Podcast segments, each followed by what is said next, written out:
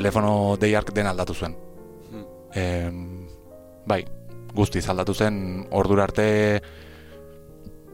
borrokatutako guztia bapatean erortzen ikusi nuen eta bai, egun ura benetan iluna izan zen. Korapilloak podcasta inigo antxorregirekin. I wanna close my eyes while the sun is melting with the moon and Xabin Fernandez, ongitorri. Eskerrik asko.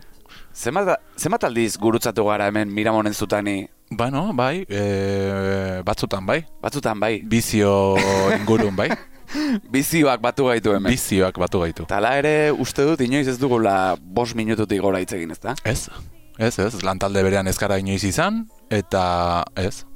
Gaur lehen. Bai. Bai. Ba, Xabin, plazer bat. Plazer bat. E, pixkat testu inguruan jartzeko entzulea, Xabinek mezu bat bidali zidan, orain dela, ba bueno, podcast hau grabatu baino bi aste lehenago, mezu bat bidali zidan, zerbait zuen kontatzeko, niri kontatu nahi zidan, eta horregatik gaude hemen. Historia, historia hori denekin partekatzeko, ze mauz daude, Xabin? Ba, oso ondo, e, pozik nago eta mm, momentu honetan ilusioekin, aspaldiko partez. transmititzen, transmititzen didazuk sekulako pakea.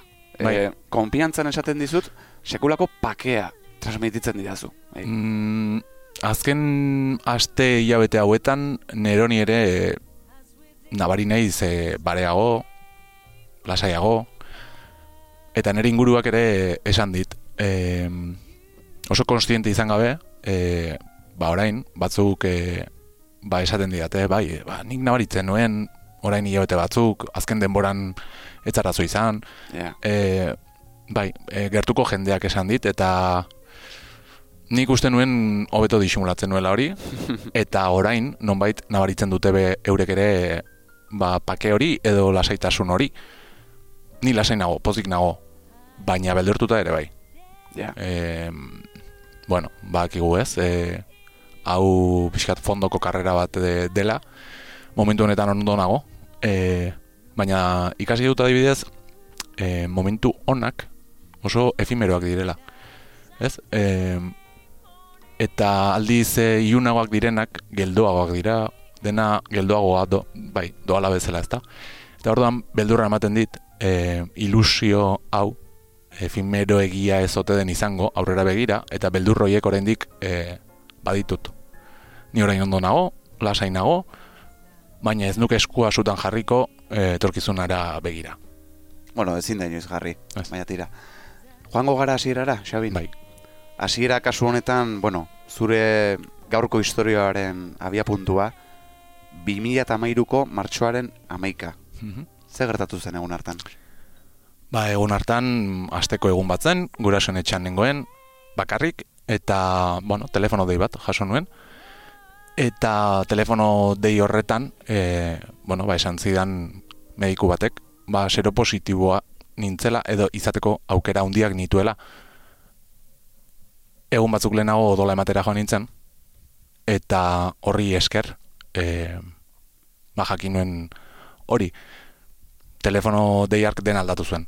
Hmm. Em, bai, guztiz aldatu zen ordura arte borrokatutako guztia bapatean erortzen ikusi nuen eta mm, bai, egun ura benetan iluna izan zen. Ordura arteko borroka ari zarenean, ari zara esaten, ba, agian bikotearekin kadea bai, irtetea. hori da, hori da. Bai, bestela ere banituelako gabezi batzuk edo borroka batzuk e, pixkanaka joan nintzenak irabazten. Bai. Eta ni nire mutilagunarekin nengoen orduan, armairutik kanpo, e, pozik nengoen, gustoko lan batean nengoen. Ez dakit, bueno, gauzak ez nuen eskatzen, baina nituenak gustatzen zitzaizkidan. Eta oso pozik nengoen eta lasai nengoen momentu horretan. Eta dei ark em, nolabait berriz ere armairu barrura, kaiola barrura, e, eraman ninduela sentitu nuen. Nik hasieran egin nuen pixka borroka hori ez gertatzeko. Hmm. Nik ez nuen nahi hori gertatzea. Ez nuen nahi galdu ordura arte lortutakoa. Baina, baina ala izan zen. E, bueno, ba ez nuelako izan gaitasunik e, modu naturalago batean hartzeko, edo ez nuen laguntza eskatu, e, hemen Euskal Herrian baditugu e, elkarteak, eta badago jendea laguntzeko. Bai. Baina nik ez nuen paus hori eman, ez nuen ausardiarik izan, beldurrasko nuen, hiru hitz erabiltzen ditut asko. Beldurra, lotxa eta kulpa. Eta hiru hoiek e, izan dira pixka, e, nerekin batera joan direnak bideo honetan, eta ba, batzuetan konbentzituago egon naiz pauso emateko, baina hiru lagun hauek ba, pixka bat e, atzera botatzen induten berriz. Ja. Yeah. Claro, pixka testu inguru sozialak ere ez zuen lagunduko ez ze, bueno, gaur egun asko esaten da tabua eta estigma mm -hmm. pixkat apurtu dela, e, ni ez nago horren ziur, mhm. baina, bueno, orain dela ia urte, ba orain eta gutxiago, ez? Nik uste dut, e, tamalez, orain amar urteko egoera beretsuan gaudela. Vale. Ez dakit, e, nabaritu dudalako, e, urte hauetan, ez dela hitz egiten honi buruz, nik amarrutetan hemen Euskal Herrian ez dut ezer entzun honen inguruan, kenduta abenduaren bata, e, iesaren aurkako nazioarteko egunean, mhm. orduan bai entzuten dira testigantza batzuk, eta hamar urteetan e, pertsona bera ikusi dut edo edo oso jende gutxi e, aurpegi ematen. Bai, e, ezakit iruditzen zait, e, ez dut esango ez gaudenik prestatuta, honi buruz hitz egiteko, ze oso prestatuta gaudela uste dut, baina baina nolabait gauzak e, egia da gaur egun zero positibo bat edo orain berrogei urte zero positibo bat, ez dauka zer ikusirik. Eta bere egunerokotasunak ere ez dauka zer ikusirik gaur egun nik bizi normal bat daramat, nik nire tratamentua dut, baina osasun aldetik, osasun fizikoz, e, oso ondo nago. Ez dut inungo ez, ez izan. E, horrek aldatu ditu gauzak nolabait. E, zenik esaten nien, e, ba, nire kasu beretsuan zeuden batzuk ezagutu nituenean, esan nien, gaur egun ez da zuek e, bizi izan zenutena, ez? Ze jende asko hiltzen ikusi zuten, e, bueno, testigantza oso gogorrak e, eman zizkidaten, gaur egun ez du horrek zer ikusirik. Hmm. Baina ez du goni buruz hitz egiten, eta daukat beldur bat. Eta da, nire egoeran egongo direla beste asko. Eta gaur 2008an, bakarren batek e, diagnostiko hau jasotzen badu, ba iruditzen zait e, aukerak dituela nik bezain gaizki hartzeko. Eta uste dut e, lanketa hau egin benetan egingo bagenu eta jendea benetan informatuko balitzen inguruan, ba gian beldur hori, lotxa hori eta kulpa hori ba, bere bidetik joango zela. Ez dakit, nik horrekin pixka asarre, asarre naiz. Eta, eta bueno, batzuk esan didate, e, hain zuzen ere gaur egun ez direlako gauzak lehen zirenak, em, ez genuke nahi jendeak beldurrak galtzea e, virus honi, horregatik e, ez da agian gehi zabaltzen e, ba gaur egungo mezua, ez? edo gaur egun bizi dugun mezua. Ulertzen dut hori, baina bestalde iruditzen zaitu jo, e, gogorra dela, ba, ja diagnostikoa jaso duen horrentzat, e, zero positiboa den horrentzat, zen nola baita izara, ari zara esaten, bueno, ez da ezer, ez da ezer larria, baina, bueno, gordezuk.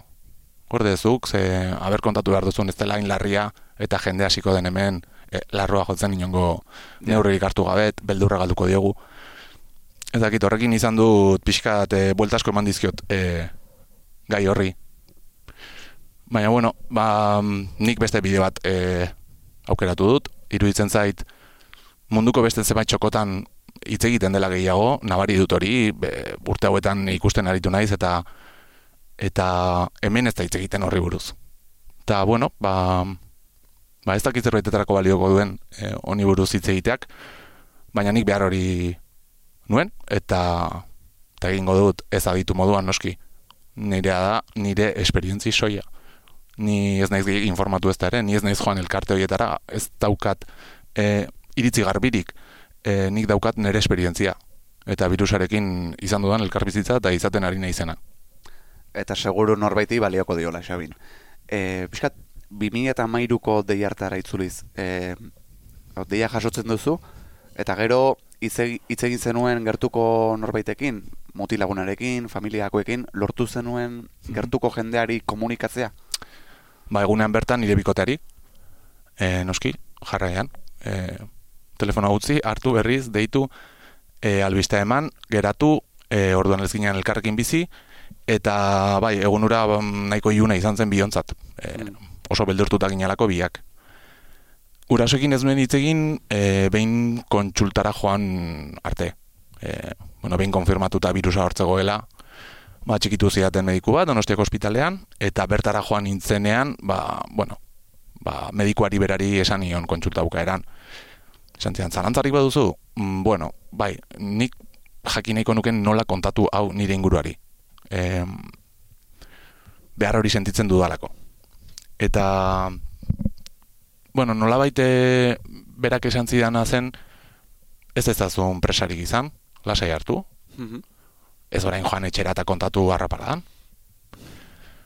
Nik nire hobe beharrez esan zuela pentsatzen dut, baina momentuan oso gogorra egin zizean. E, ez nuen ulertzen hasieran e, zer esan nahi zidan horrekin. Benetan ari zaite esaten hobea dela ez kontatzea. Em, ez dakit, pixka bat e, galdu egin nintzen eta beldurtu egin nintzen horrekin. Hala eta beldur gehiago igual. Bai, bai. Argi neukan gurasoekin eta eta nahiarekin, momentu hartan gurekin bizi izan e, gure naia, eta haiekin bai hitz egingo nuela, hori argi neukan. Baina gero kuadrillakoak, lagunak, ertukoak, lankideak, ez dakit, bueno, ba, hori ez neukan hain argi, e, beldurra ematen zidan. Eta mezu horrek, e, ba, beldur hori areagotu zuen, eta ez nion beste inorri kontatu. E, oso gertuko lagunen bati, baina modu, ez dakit, ez, ez ondo, eta gaur egun kontatuko nuken moduan, ez? Oso azkar eta, bueno, bau gertatu zait, eta baina ez da ezer, ez? E, tapatu ia mezuarekin batera esaten nien, baina lasai, e, ez dezagun honi buruz hitz egin, eta jazta, ez da ezer gertatu. Gure lanak, bueno, gu telebistan, irratian lan egiten dugu, eta askotan lana berak maskara bat jazteko eskatzen digu, ezta? Gaitz honek oraindik eta maskara astunago bat ekarri zizun. Bai, niri bai. Bai, em, ba, mar urte hauetan egon naizelako ba, golun bezala, bere tesororekin. Eraztuna hor hartuta, ba, ez nuen inoraz nahi nire kontrolpetik e, bezakit, ez nuen galdu nahi nire kontroletik, ez nuen e, utzi nahi. E, informaziorik nik neukan, eta ez nuen beste inork jakiterik nahi e, beldurra asko ematen zidalako. Ni, bueno, herri txiki batekoa naiz, legorretakoa naiz, e, eta horrek ere pentsatzen dut eragina ere izango duela. Bueno, herri txikiak zoragarria dira, baina badu bere be aldea ere, eta ez dakit, eh? nik hau ja askotan pentsatu izan dudan gauza bada, baina ni hiri handiago batean biziko banitz, ba ez dakit nola eramango nuen hau, agian beldur gutxea horekin emango nuen, edo ez nituen eh, hainbesteko mamuak eh, sortuko nire buruan. Zer ni konstiente naiz orain mamu asko nituela. Eh, herriko kontsultara joan eta honi buruz hitz egitea eh, medikuarekin, ba gogorra egiten zitzaidan. Eh, noski banekien medikua ez zela gero joango eh, kalean kontatzen. Baina niri beldurra ematen zidan. Eh, ez nuen konfiantzarik eh, zinorrengan ez ezerrengan. Eta edo bakarren batek entzungo ote zuen. Ja, pentsa ze, ze mamuak, eh? Kontsulta kanpotik entzungo da ni barruan esaten ari naizena. E, analitika egitera joan naizen honetan ezagunen bat egongo da, nire familia artekoren batekin egingo dut topo, zer galdetuko dit. E, zer erantzun behar diot duen, Beldurra paranoia bilakatu zen horrela. erabat, erabat, bai. Eta gertatu zaizkit horrelakoak. E, baina, bueno, ba, gezurretan, e, ez, bueno, e, ez da ez der, ez ez bestela, analisiak egin behar nituen, rutinarioak eta aurrera, edo. Zorionez hemen e, zilborre ondoan hernia badaukat. Eta gaixoak Ah. ere sufritu du, ze be- kulpa guztiak berari botatzen dizkion, ez askotan. Donostiako ospitalean norbait ikusi eta, buah, norbaitek ikusi da, zer egiten duzu hemen da, ba, ba hernia, eh, komodina erabili, Ja. eta hernia, eta, eta aurrera baina bai, ba, gauza guzti horiek niretzako ziren oso zaiak ziren. Medikuaren joatea, mediku egun horiek, eh, donostiko ospitaleko egun horiek, farmazira joatea, eh, tratamentuaren bila, bueno, guzti hori mehatxua zen, niretzat. Impactu handia eragin zidan, kontatu zenidean orain dela aste bat, kafe hori hartu genuenean. Noskider, bapatean atezateko zabor bilketa iristen da herrira. Bai. Ze pasa zen orduan, Xabin? ba, pentsa, ba, bai, e, uste dut, e, atestateko eta edukiontzen arteko gerra zibil hori 2008an izan zela injustu. Bai, bai, Bai, nik uste dut, e, bai, bete gutxi diagnostikotik. Ni beldurtutan nengoen, eta nik tratamentua jas- hartzen nuen etxean, baina pastillan potea ez nuen botako zaborretara. Ja. Eta atezatekoa jarri eta nire potea, ja, nirea denean eta nire zenbakiarekin denean, baina, baina Hau, denen ez, ez, argitara hor. ez, ez, ez, eta erotuta ere. Ostra. Eta hori, bueno, bai, anekdota bezala kontatzen dute, oso, baina momentuan niretzako arazo bat zen. Arazo bat zen. Eta, bueno, ba, gaur deguna, oraindik pote guztiak etxean goreta ditu dana. Ostra. Ez dut poterik botatzen. Laister botako dituzula uste duzu? Ez dakit, ez dakit zer egingo dudan. E, hor ditut, zaku batean sartuta, eta, bueno, tarteka begiratzen, begiratzen diet. E, hilabeteroko potea bukatzen denean, eta zakura sartzen dudanean, eta batzuetan, bueno, ba, pixatzen dez, begiratzen dut, ostra, hau, ja ez da hasierakoa, eta, bai, baina hor dauzkat, hor dauzkat, bai, etxean. Ostra. Bueno, gai hau barruan urte askoan mantendu zenuen, eta noski, alako batean, 2000 inguru hortan, buruak krak Mhm. egiten du ez? Ze pasatzen orduan? Bai, uste dut aurretik ere izan dituela horrelako krak txiki batzuk, baina baina bueno, maskara hori eramatera ohituta zaudenez, ba, uste duzu aurrera egiteko gai zarela eta ez dela beste inor eh, konturatuko eta baina iristen da egun bat zeinetan ezin duzun buru altxa eta eta inguruak esaten dizu hemen zerbait ez dago ondo. Nire kasuan, nire bikotea izan zen, e, bueno, berak etxean ikusten zuelako maskarari gabeko beste pertsona bat. Eta gero oso gogoan dudan momentu bat izan zen amonak, nire amonetako batek, biak eh, ondoan ditu, ditut oraindik zorionez, bietako batek e, egun batean asturiarrak esan zidan, ¿saben qué te pasa? Que estás triste. Eta, ba, labankada bat bezala izan zen ura. Ze, ni ustez, bereziki amonaren aurrean e, disimulatzeko habilidadea banuela uste nuen.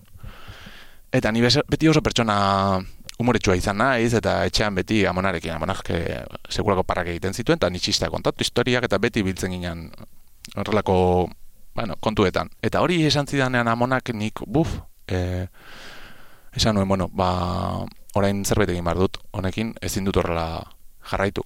Zen nik nabaritzen nuen, nik banekien e, ze arazo nituen. Baina amona, ez, amonari ez zitzaion tokatzen hori esatea niri, eta oso gogorra egin zitzaidan. Eta bueno, ba, bai bikotaren gatik, bai nire familiaren gatik, eta amonaren gatik, eta ba esan nuen, bueno, eta nire gatik, baina momentu hortan nik nire buruarengan nuen konfiantza etzen, baina ondia, ni iritsi zen momentu bat esaten nuena, bueno, horrela naiz. Eta hau ezin dut aldatu. Orduan ikasi beharko dut, ba, hau eramaten, alik eta modu isilenean eta errezenean, eta bueno, ba, pixka bat etxean sartzen hasten zara, eta ezain beste ateratzen, eta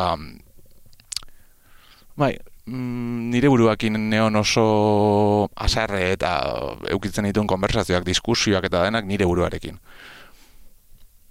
Baina orduan eman nuen pausoa. E, katakrak hori e, izan zen, bueno, zerbait egin behar dugu. E, psikologarena joan zaitez. Eta nik esan nion bikotari, ez ez. Ez ez, ez ez, ez ez, ez ez, ez ez. Bueno, ba, beste zerbait probatuko genuela edo, baina, baina, bueno, emango niola vuelta. Baina, bueno, iristen da egun bat, zein eta esaten duzu, bueno, bai, bai, e, joango naiz. Zuregatik eta, bai, joango naiz. Uste dut ez nitzala konfiantza gehiagirikin joan e, lehen kontsulta hartara. Eta, bueno, ba, lehenengo esperientzia hura etzen nik e, espero nuen bezain ona izan. Mm, nik uste dut e, ni ez nengola prestatuta, eta orduan, bueno, ba, ez genuela, ez ni ez nintzen irikitzen, e, behar beste berarekin nik uste dut. Eta astetxo batzuk egon nintzen berarekin, baina ikusten nuen ura etzala niri hon egingo zidana, eta etxera bueltatu nintzen. Okerrago, aserreago, e, frustrazio guziarekin, e, ze, karo, behin pauso ematen dezunean, ez da, e, hau sartzen zara, bale, laguntza eskatuko dut, eta laguntza hau ez da izan, ez da izan laguntza. E, orduan, lehene konfiantza gutxi banuen, ba, orduan Gutxiago. Baina gauzak ez ziren konpontzen, eta ni gero eta okerrago nengoen, eta, eta orduan psikiatra hitza iritsi zen. Esaten dut beti psikiatra hitza erabiltzen dut hitza bezala ze, ze orain denbora bat nik ezin nuen psikiatra hitza aipatu. E, asko kostatzen zitzaidan. E, bai, beti izan diot beldurra, edo ez dakit, eh? baina Ez da arraza, eh? ez da erraza. Ze nik uste dut eh, psikologoarena joatea bai normalizatzen hasi garela, baina Mhm. psikiatrarekin oraindik Bai. lantxo bat geratzen zaigula. Beste koxika bat, ez? Bai, nik uste bai. koxika bat hor. Eta aldiz niri, niri psikiatrak sekulako meseda egin zion. Claro. Bueno, batetik e, tratamentu bat jarri zidan, eta baina bestalde, e, berarekin lasai hitz egiteko ba, aukera izaten nuen, eta gustora joaten nintzen beraren gana. Eta saio horiek eh, benetan gustora goratzen ditut, ondo goratzen ditut, eta bestalde tratamentu arke lausotu zituen nire mm, aserreak edo nire gorabera hoiek, eh? Ze ni baita ere kont- konturatzen nintzen nire egunean zehar gorabera izugarriak izaten ditula. Eta ni onaiteke orain zurekin ondo, eta mendiken ordu erdira guztiz bestela ikusi gauzak, eta nire diskursoaren aurka joan, e, bo, e, sekulako gertatzen daizkean, da bildurtzen zidan pilo bat. Bueno, ba, tratamentu horrek kimika horrek lortu zuen hori baretzea, eta ni oso pozik jarri nintzen, Ua, listo, hau, ostra, bai, ondo, eta gero gainera berarekin gustora nengoen, juten nintzen hitz egitera, eta ondo, eta eta egun batean esan zian, bueno, ba, ondo zaude, eta eta agian ba, pixkanaka, pixkanaka, hasi behar orain auge esten, eta eta horre pixkat beldurra sartzen zaizu, nire kasuan. e, nuen, ostra, Bai. baina, Bai, bai. baina hone funtzionatzen du eta. Badakit, mm, sartzen ari nizela hemen, arraza, eh? beste kaka bat, baino, baina ondo nago. Eta orain, hau, baina ez gertatuko, ah, nik hau uzten dudanean berriz eroriko naiz, da, bueno, ez, bueno, ez dauka zertan, gertatzen da, esan zidan gertatzen da, ez ditut esango matematika denik, eta, jo, ez, orduan, orduan, ba, mantendu pixka bat, ez, ni hasieran pixka bat mantentze aldera jotzen nuen, e, jo, erreze, erreza egin zait hau, eta, baina, bueno, e, pandemia iritsi zen, e, itxi gintuzten etxean, eta nik jarraitzen nuen oraindik e, kontsulta horrekin, astero joaten nintzen nire psikiatrarenera, harrapatu zidan pandemiako orduan, eta pandemiko itxialdi horretan izan zen ere desengantxe prozesua. Vale. Pixkanaka tratamentu hauzten joango gara bar, eta, bueno, vale. Niretzako ere errezagoa zen momentu horretan, ez dakit zergatik, e, etxean nago, mm, mundua gelditu da, eta agian osatzeko momentua da, e, sendatzeko momentu egokia izan daiteke, ondo nago, eta guazen ikustera pixkat hau nola mantentzen dugun. Eta ni pandemian zehar ondo nintzen. Kendu nuen hori, eta bai, gustora naiz, pandemian zehar.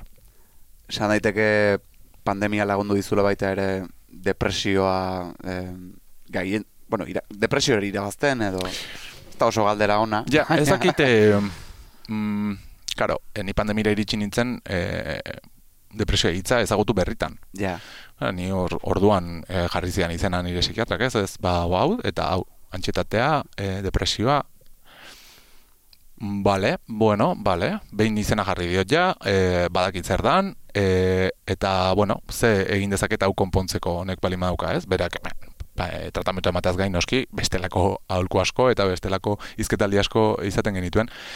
Eta, bueno, ba, nik garbi ikusi nuen hori, esaten nuen, bueno, ba, arrazoi du, arrazoi du, eta eta hortik tirako dut. Bueno, nire buruan gehiago sinisten atera nintzen e, psikiatranetik, eta orduan itxialdi horretan esan nuen, bueno, orain daukat momentua guzti hau lantzeko, lasai egoteko, mm, eta guazen hortara. Eta eta egin nuen, eta eta ustez e, desagertu ziren mamu hoiek, ustez.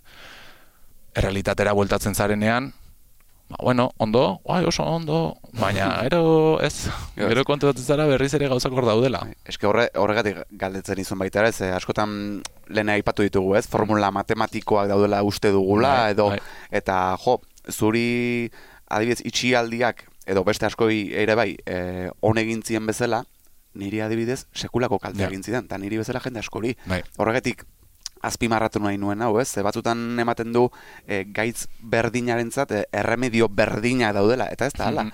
E, batzui laguntzen digu gauza batzuek eta beste batzui beste gauza batzuek. Orduan, jo, gustatzen zait beste aldea ere ezagutzea zuregan. Bai.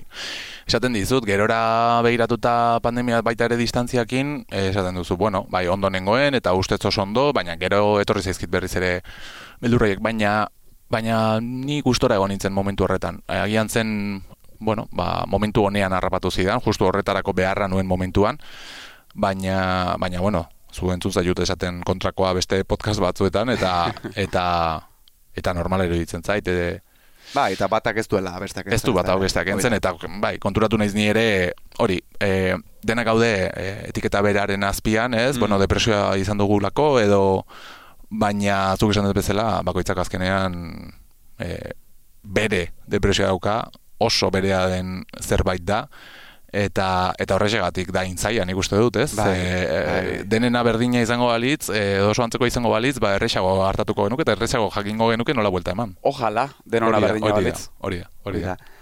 Bueno, itxialdiaren mesedea edo ez mesedea zari ginen, eta ondo ari ginen, lana, zuk Bai. 2008ko maiatzean lana Mhm. guzti zuzten duzu, irratiko lana. Mhm, Bai. Horre mesede egin zizun, Xabin?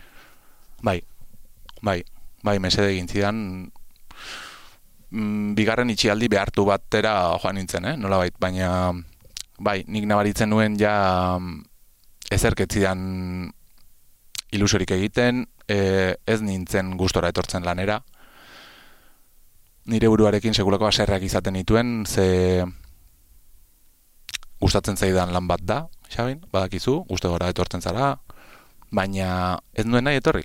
Eta ez zidan ilusirik egiten, eta eta aserretzen nintzen asko, eta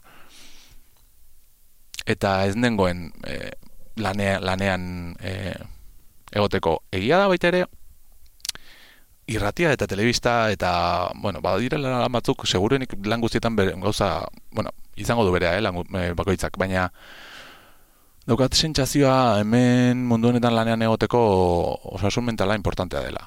Eta eta ni oso ahul nengoela momentu horretan eta denak e, min egiten zidala. Hmm. Bueno, 2013an nik diagnostikoa jaso nuenean ez nuen telebistan lan egiten, ez da irratian ere, eta ez nuke, eh, bueno, eh, esan izan balit norbaitek ez, bendiken bost urtetara egongo zara e, telebistan hau egiten edo irratian egongo zara, eta esan nahi dizut nik ez nuen nire burua e, hor ikusten momentu horretan. Beraz, amar urte hauek ere gauza honak ere eman dizkit, eta gauza asko probatu ditut, baina konturatu nintzen bukaerarako etzi dala mesederik iten, eta gelditu egin beharra nuela. E, benetan gelditu. Ez partxak jarri, e, bai, hori da, hori izan zen, bai, gelditu zaitez. Gelditu zaitez, e, baina gelditu zazu dena. Gelditu ezazu, gelditu zaitezu zure buruarekin, landu dezagun hau ondo, eta ea buelta ematen diogun guzti honi. Buelta ematen ilusioa berriro pizten lagundu dizu eta sekulako gogoan nuen hau zuri galdetzeko. Taeko ikasle hoi moduan. Eta Bai. zu taeko ikaslea zaren aldetik antzerkiak lagundu dizu hori guztia berreskuratzen Bai, asko.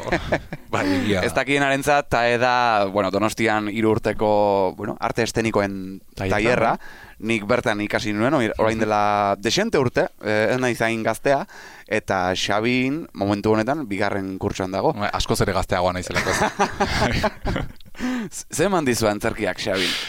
ba, argi pixka bat eta eta eta ilusio asko eta eta lagunak eta gauza asko eman dizkit. Em, baina bueno, ni o, nik izen eman nuen taen, hogeita amasei urterekin, eh, nigo? Bai, bueno, e, ikasle zarragoak ere ezagutu ditut. Bai, ni beldurtu da joan nintzen horregatik, zaten, aber orain hemen izango nintzen. Uler dezaket, zeni adibidez, emezortzi urtekin hasi nintzen, eta gehieno, bueno, adintarte horretako Bai. ginen, eta uler dezaket, ba, bueno, Bai. eh, Zorionez, e, ni baino zarragoak baziren, eta gazteagoak e, gehienak, baina e, oso pozik nago baita ere taldearekin. Baina egia da, e, bueno, ba, antzerkia izan da, ba, beti buruan izan dudan zerbait, ez? Beti gustatu izan zaidan zerbait, eta, eta bueno, egin ditut gauzak, baina modu askoz ere e, lagun arteko e, antzerkiak, edo, bueno, gauza puntualak oso. Baina beti neukan gogoan, ba, egun ematen zerbait egingo dut antzerkiarekin, ikasi nahi dut, o pixka bat, bai, sartu nahi dut mutxurra hortan ere. Eta, eta, ba, hori, eman nuen pausua, iaz. E, nik ez dakit nola atera nuen ausardia eta indarra hori egiteko, e, baina oso gaizki nengoen. Eta orduan, esan nuen, ba, zergatik ez? Ez dakit, zer daukat galtzeko orain, probatuko dut, e, ordainduko dut, eta bi egunetan ez banago gustora, ba, bueltatuko naiz. ez nintzen erabat konbentzituta joan, egin matrikula izena eman nuen, Eta gero, bueno, bai, iritsi zen e, kurtso hasteko eguna, eta ni bildurtuta nengoen, eh? oso bildurtuta, eta esaten nuen, buf, zertan sartu zara orain, eta ez, eta, baina joan nintzen. Joan nintzen, eta, eta egia esan oso urte ona izan zen iazkoa e, zentzu horretan.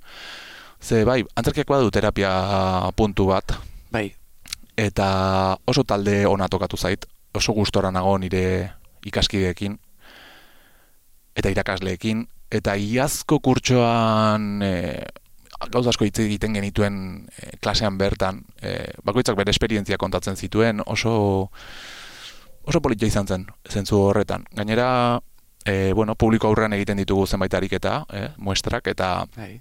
Eta lehenengo muestra hura oso pertsonala zen, bakoitzak bere bere barrutik ateratako gauza kontatzen zituen eta kara, nik ez nuen zero positibo hitza erabili, e, baina bai, baina balio izan zidan. E, Pistaren matemateko. bueno, e, edo ez dut uste pistarik emanienik, eh? oso, oso bixian itzen horretan, orduan ni kontatuko dizut ni nahi dudana, baina niretzako oso baliogarria da nik eh, kontatzen dudan hau.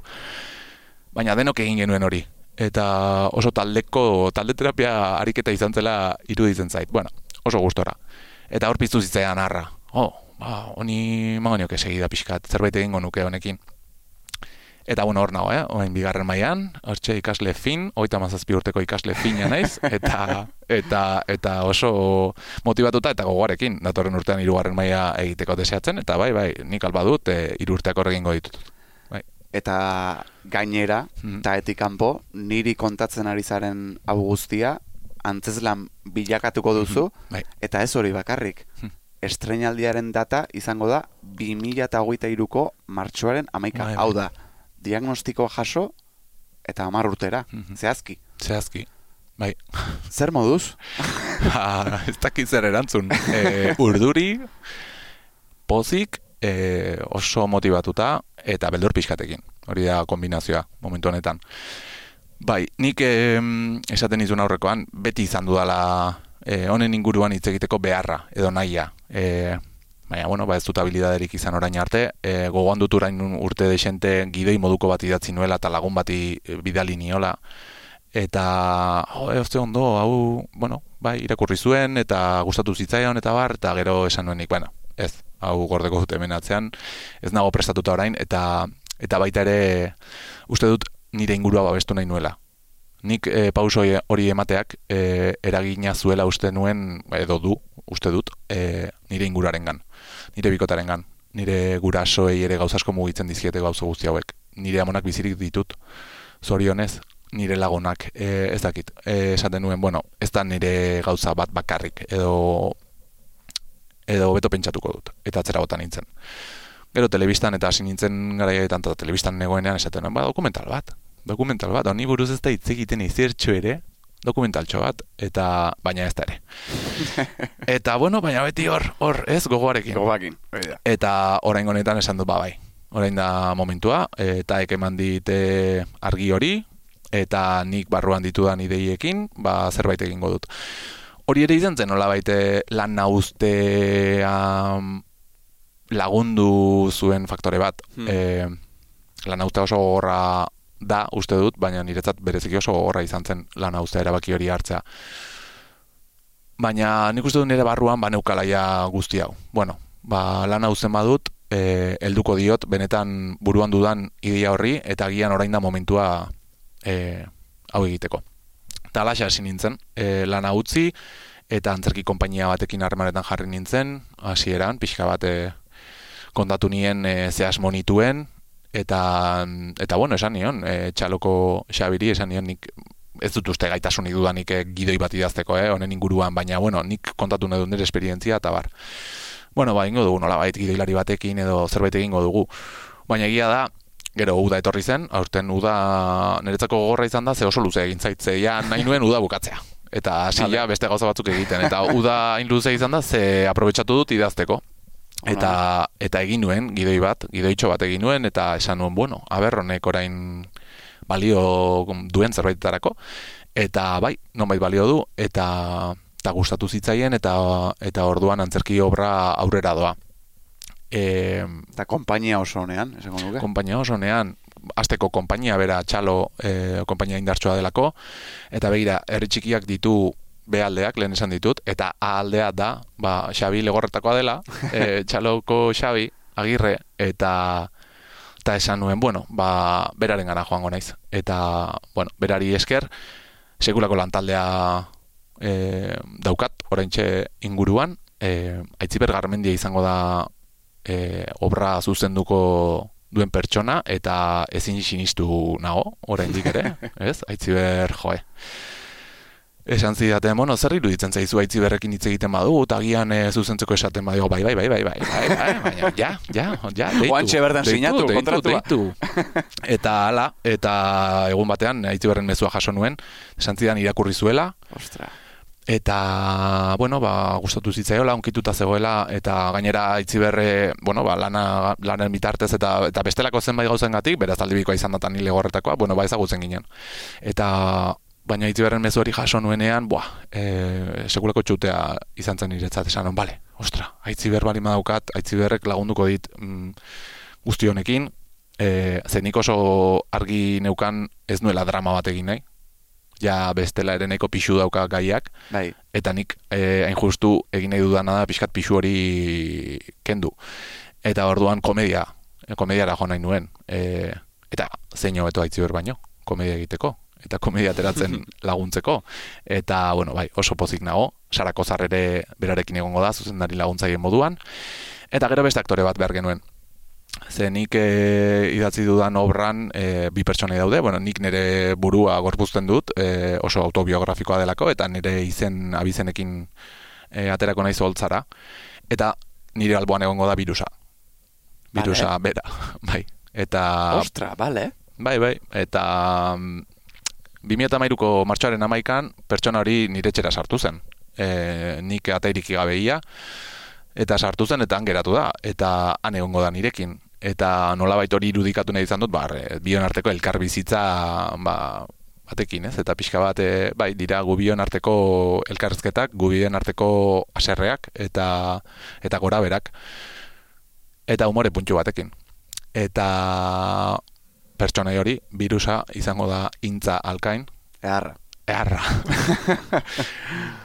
Beste e, umoregia handi bat, bai. eta eta eske esaten dizut, ezin sinisturik nago. Ezin sinisturik nago, ze bueno, ba, hor gabiltz, lanean, e, irakurketetan, eta laizter hasiko gara ensaioekin ja modu formalean, eta guzti hau aurrera doa.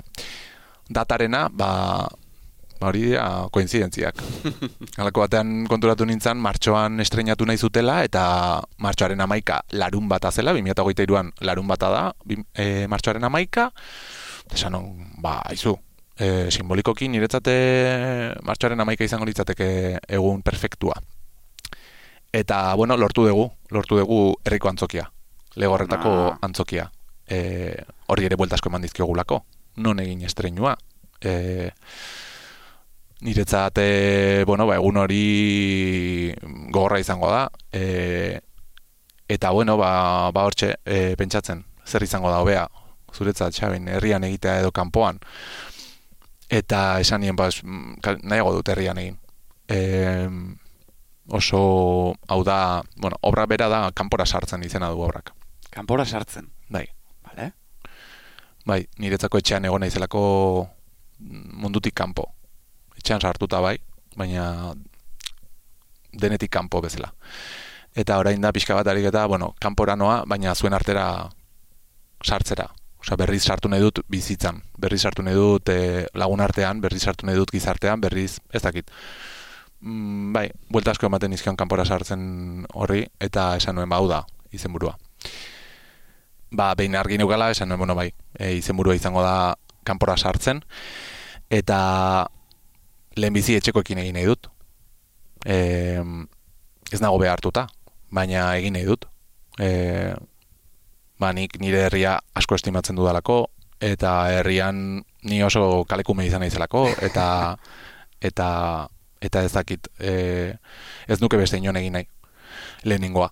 Badakite, bueno, ba, bereziki gogorra izango dela, gauzasko mugituko dizkidala, baina ez nuen beste aukerarik ikusten. Nun bestela non egin eta gero hortik denbora batera etorri e, herrira eta hemen egin, ez, nahiago dut egin lehenengoa. Nire inguruak ere animatu nago, hortara. E, nire amak, esan zidan, hori ere. Bueno, behin hasita herrian egin, eta bikotak ere bai, alkatea nire laguna. Bueno, ba, horrela baki dugu. Piskat urduri nago. Bertigoa hor dago. Normala da, eh? Baina, baina pozik nago, eta egun hori iristeko mm, ilusioarekin, deseatzen nago, ez dakit begiratzen dio, e, modu politian begiratzen dute egun hori, ez nau beldurtzen egun horrek.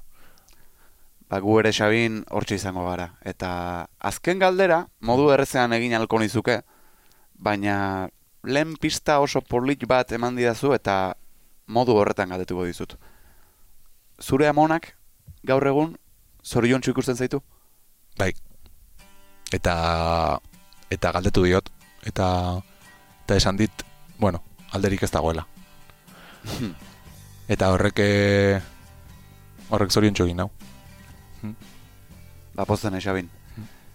Eskerrik asko, etortzagatik, eskerrik asko korapilloak podcastaren lehen denboraldiari itxiera ematera etortzagatik. e, begira, denboraldiko azken mezua zure esku utziko dut. Zerbait, esan nahi diozu entzuleari? Bueno, balen bizi zuri, eskerrak eman. E, nire gonbitea, nire autogonbitea onartzagatik, oso gustora egon naiz, eta eta zorionak egindako lanagatik. Ba, nire esperientzitik, e, esan dezakedan gauza bada, e, gauzak aldatu daitezkela,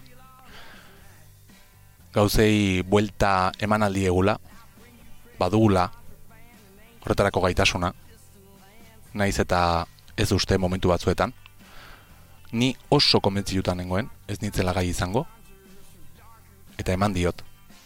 Beraz, nik eman badiot, denok aldugu. Eskerrik asko Xabin, ondo izan, eta eskerrik asko entzule. feel alright. I feel alright tonight. I feel alright. I